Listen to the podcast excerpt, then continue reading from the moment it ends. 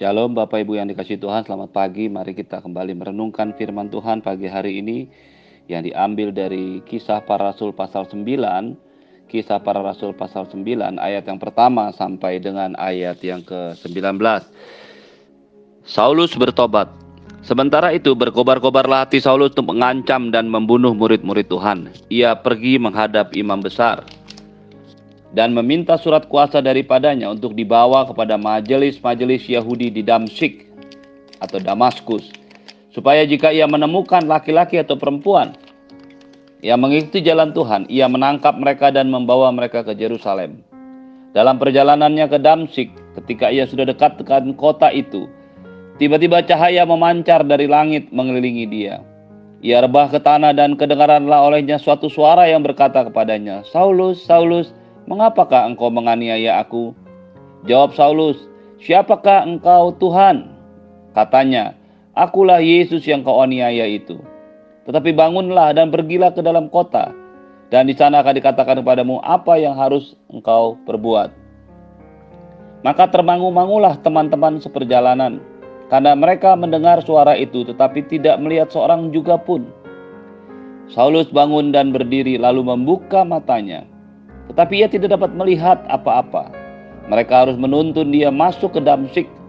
Tiga hari lamanya ia tidak dapat melihat dan tiga hari lamanya ia tidak dapat minum dan makan. Di Damsik ada seorang murid Tuhan bernama Ananias. Firman Tuhan kepadanya dalam satu penglihatan, Ananias. Jawabnya, ini aku Tuhan. Firman Tuhan, mari pergilah ke jalan yang bernama jalan lurus dan carilah di rumah Yudas seorang dari Tarsus yang bernama Saulus. Ia sekarang berdoa dan dalam suatu penglihatan ia melihat bahwa seorang yang bernama Ananias masuk ke dalam dan menumpangkan tangan atasnya supaya ia dapat melihat lagi. Jawab Ananias, Tuhan, dari banyak orang telah kudengar tentang orang ini, tentang banyaknya kejahatan yang dilakukannya terhadap orang-orang kudusmu di Yerusalem. Dan ia datang kemari dengan kuasa penuh dari imam-imam kepala untuk menangkap semua orang yang memanggil namamu. Tetapi firman Tuhan kepadanya, pergilah, sebab orang ini adalah alat pilihan bagiku untuk memberitakan namaku kepada bangsa-bangsa lain, serta raja-raja dan orang-orang Israel. Aku sendiri akan menunjukkan kepadanya betapa banyak penderitaan yang harus dia tanggung oleh karena namaku. Lalu pergilah Ananias ke situ dan masuk ke rumah itu ia menumpangkan tangannya ke atas Saulus. Katanya, Saulus saudaraku, Tuhan Yesus yang telah menampakkan dirimu, menampakkan diri kepadamu di jalan yang kau lalui, telah menunjuk, menyuruh aku kepadamu, supaya engkau dapat melihat lagi dan penuh dengan roh kudus. Dan seketika itu juga seolah-olah selaput gugur dari matanya, sehingga ia dapat melihat lagi. Ia bangun lalu dibaptis, dan setelah ia makan, pulihlah kekuatannya. Bapak Ibu yang dikasih Tuhan, Pagi hari ini kita membaca sebuah kisah pertobatan yang dialami oleh seorang yang bernama Saulus. Arti kata Saulus dalam bahasa Ibrani itu adalah yang diinginkan. Bapak Ibu yang dikasih Tuhan, kita sudah membaca beberapa kali sebelumnya nama Saulus mulai disebut dalam sejarah gereja. Tentu saja penyebutan pertama Saulus adalah penyebutan yang tidak menyenangkan dia adalah seorang Ibrani asli yang berasal dari Tarsus, Kilikia, Turki saat ini. Kedua orang tuanya Ibrani asli berasal dari suku Benyamin. Dia belajar di sekolah Yahudi di daerah Tarsus, lalu kemudian dikirim untuk mengikuti tahap pendidikan lanjutan Midras di Jerusalem di bawah asuhan seorang uh, Farisi, seorang pemimpin agama pengajar Alkitab yang bernama Gamaliel. Dalam didikan Gamaliel, penganut agama Yahudi yang taat ini, dia melakukan semuanya, termasuk juga menentang setiap orang yang mencoba me mengganggu kedaulatan atau kekuatan daripada agama Yahudi. Itulah sebabnya dia sangat membenci orang-orang yang percaya kepada Yesus. Namanya mulai disebutkan pada saat Stefanus mati. Paulus atau Saulus ada di situ dan Alkitab berkata dia setuju. Saya sudah jelaskan kata setuju itu berarti bukan hanya menyatakan persetujuan, tetapi dia senang bersama-sama memutuskan, dia bahagia dia begitu happy dengan keputusan untuk membunuh atau menghukum mati Stefanus. Namanya mulai disebutkan lagi, dia masuk ke rumah-rumah di kota Yerusalem untuk mencari pengikut-pengikut Yesus. Dan kemudian kita membaca pagi hari ini, dia meminta surat kepada imam kepala, imam besar, untuk dibawa kepada majelis Yahudi di Damaskus, kota yang sangat jauh dari Yerusalem untuk menangkap orang-orang yang mengikuti jalan Tuhan, orang-orang yang percaya kepada Tuhan. Bapak Ibu yang dikasih Tuhan, lihatlah bagaimana sebuah proses kemarahan, emosi, dendam dan iri hati menguasai hidup seseorang.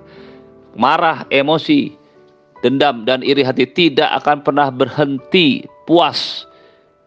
Dia akan selalu berkobar-kobar makin lama makin tambah parah, makin lama makin tambah besar. Lihat apa yang dilakukan oleh Saulus. Pertama dia membunuh Stefanus. Tidak puas dia menangkap Petrus dan Yohanes.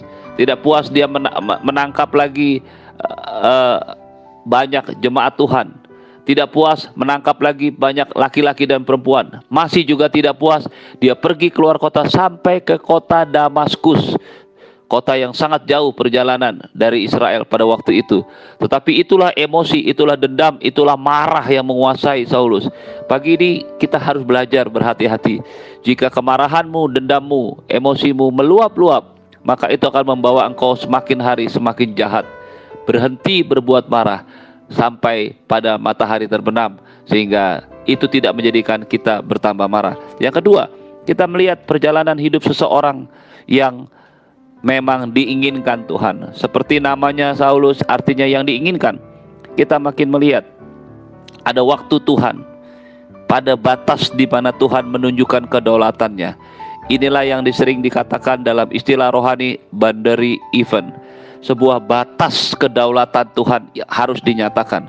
Ketika Saulus mencoba semakin jahat, semakin emosi, semakin marah, ada satu batas di mana Tuhan harus menunjukkan kedaulatannya. Ada satu batas di mana Tuhan harus menyatakan kehendaknya. Dan ini berlaku bukan hanya buat Saulus, tapi juga buat Anda dan saya. Mungkin hari-hari ini Anda sudah mendengarkan panggilan Tuhan.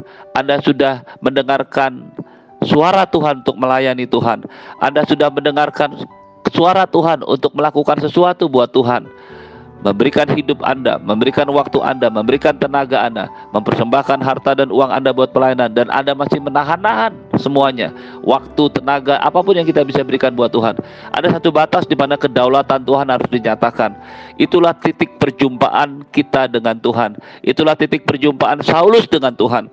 Ketika ia sedang me mengikuti kemarahan hatinya. Dia dalam perjalanan menuju Damsik menjelang masuk kota Damsik atau Damaskus, tiba-tiba cahaya memancar dari langit mengelilingi dia. Dia rebah ke tanah dan kedengaranlah suatu suara yang berkata, "Saulus, Saulus, mengapa engkau menganiaya aku?" Jawab Saulus, "Siapakah engkau Tuhan?" Katanya, "Akulah Yesus yang kau aniaya." Momen ini menjadi sebuah momen di mana Saulus mengalami perjumpaan pribadi dengan Tuhan Yesus. Setiap orang percaya, setiap orang Kristen harus mengalami momen di mana dia mengalami perjumpaan pribadi dengan Tuhan. Di tengah-tengah penganiayaan, di tengah-tengah kesulitan, di tengah-tengah sakit penyakit, di tengah-tengah masalah yang ada dalam hidup bisnis pekerjaannya Di situlah tempat di mana Tuhan menunjukkan kedaulatannya. Jangan keraskan hatimu lagi, dengarkanlah apa yang Tuhan katakan dalam hidupmu. Bapak Ibu yang dikasih Tuhan, Saulus ada satu diskusi, ada satu pertanyaan yang menarik dari percakapan antara Tuhan Yesus dengan Saulus. Yang pertama, Tuhan Yesus berkata, "Saulus, Saulus, mengapa engkau menganiaya aku?" Tentu saja ini membingungkan Saulus. Saulus tahu suara itu adalah suara Tuhan tapi dia merasa tidak pernah menganiaya Tuhan. Itu sebabnya dia berkata, "Siapakah engkau Yesus? Siapakah engkau Tuhan?" Lalu suara itu berkata, "Akulah Yesus yang kau aniaya." Bapak Ibu yang dikasih Tuhan, kalau kita membaca kitab suci, kitab Injil sinopsis, Matius, Markus, Lukas, Yohanes, kita tidak pernah menemukan sebuah perjumpaan antara Tuhan Yesus dengan Saulus.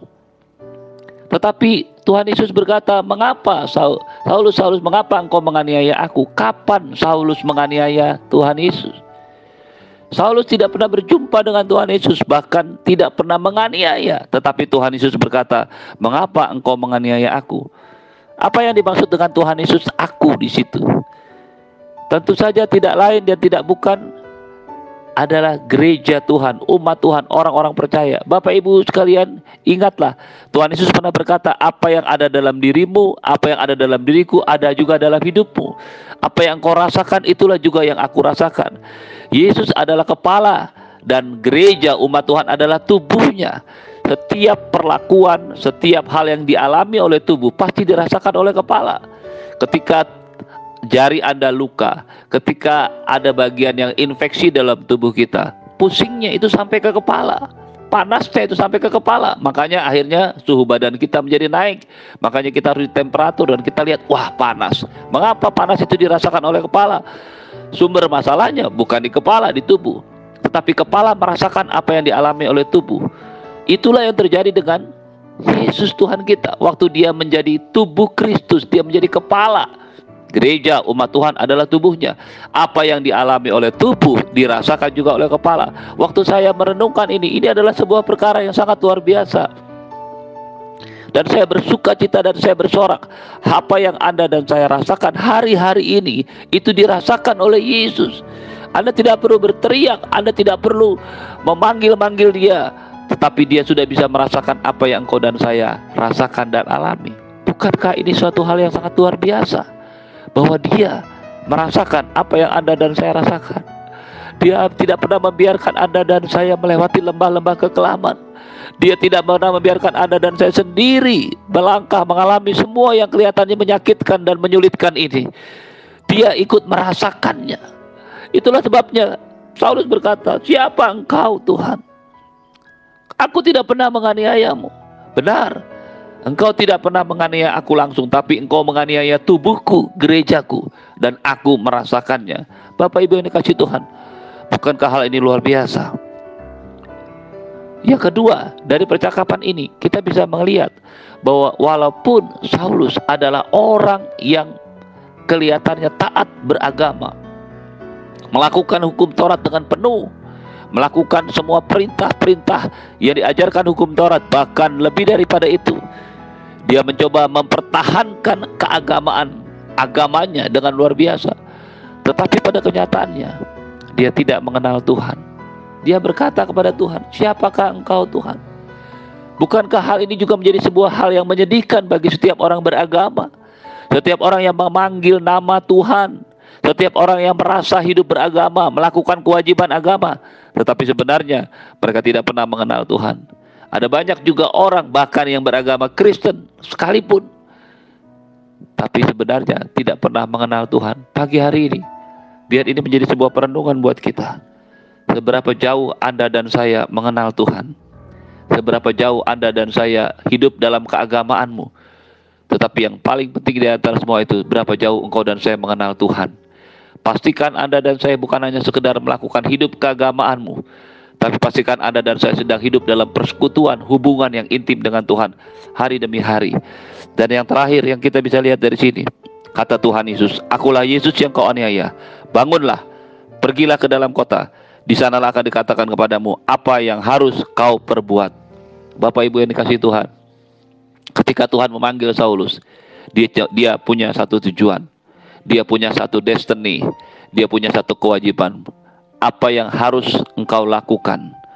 Apa yang harus engkau kerjakan? Apa yang harus engkau perbuat di sana? Ketika Tuhan memanggil Saulus, dia punya rencana. Saulus adalah yang diinginkan anda dan saya juga adalah orang-orang diinginkan Tuhan. Maka Anda dan saya juga adalah orang-orang yang juga punya tugas bersama-sama dengan Saulus, bersama-sama dengan para murid Tuhan, bersama dengan hamba-hamba Tuhan. Tidak ada satu orang pun yang dipanggil Tuhan tanpa tugas dalam kerajaan Allah. Temukanlah tugasmu, carilah kehendak Tuhan, dan lakukan itu dengan iman. Terimalah berkat yang berlimpah-limpah dari Bapa di surga. Cinta kasih dari Tuhan Yesus penyertaan yang sempurna daripada Kudus. Menyertai hidupmu hari ini dan sampai selama-lamanya. Tidak ada sakit penyakit. Tidak ada virus, bakteri, COVID-19 varian apa pun yang bisa menyentuhmu. Semua engkau akan aman bersama-sama dengan Tuhan Yesus. Aku berdoa sebagai hamba Allah membungkus engkau dengan darah Yesus. Tidak ada sakit penyakit yang menyerang engkau, kecelakaan, maut apa pun. Engkau akan aman bersama-sama dengan Tuhan. Sebaliknya aku berdoa supaya pengenalanmu setiap hari bersama-sama dengan Tuhan akan bertambah-tambah hari demi hari, semakin dekat, semakin intim, semakin menemukan apa yang menjadi kehendak Tuhan dalam hidupmu dan hiduplah di dalamnya. Satu doa saya setiap Anda yang mendengarkan firman Tuhan pagi hari ini, engkau mengerti dengan benar siapakah Tuhanmu dan engkau tahu apa yang menjadi tugas dalam hidupmu. Percayalah, pada waktu engkau berjalan bersama-sama dengan Allah, engkau akan menikmati semua yang luar biasa. Mujizat Allah, perkara-perkara besar Allah dalam hidupmu. Di dalam nama Yesus, semua yang percaya katakan amin. Selamat pagi, selamat beraktivitas. Tuhan Yesus memberkati. Shalom.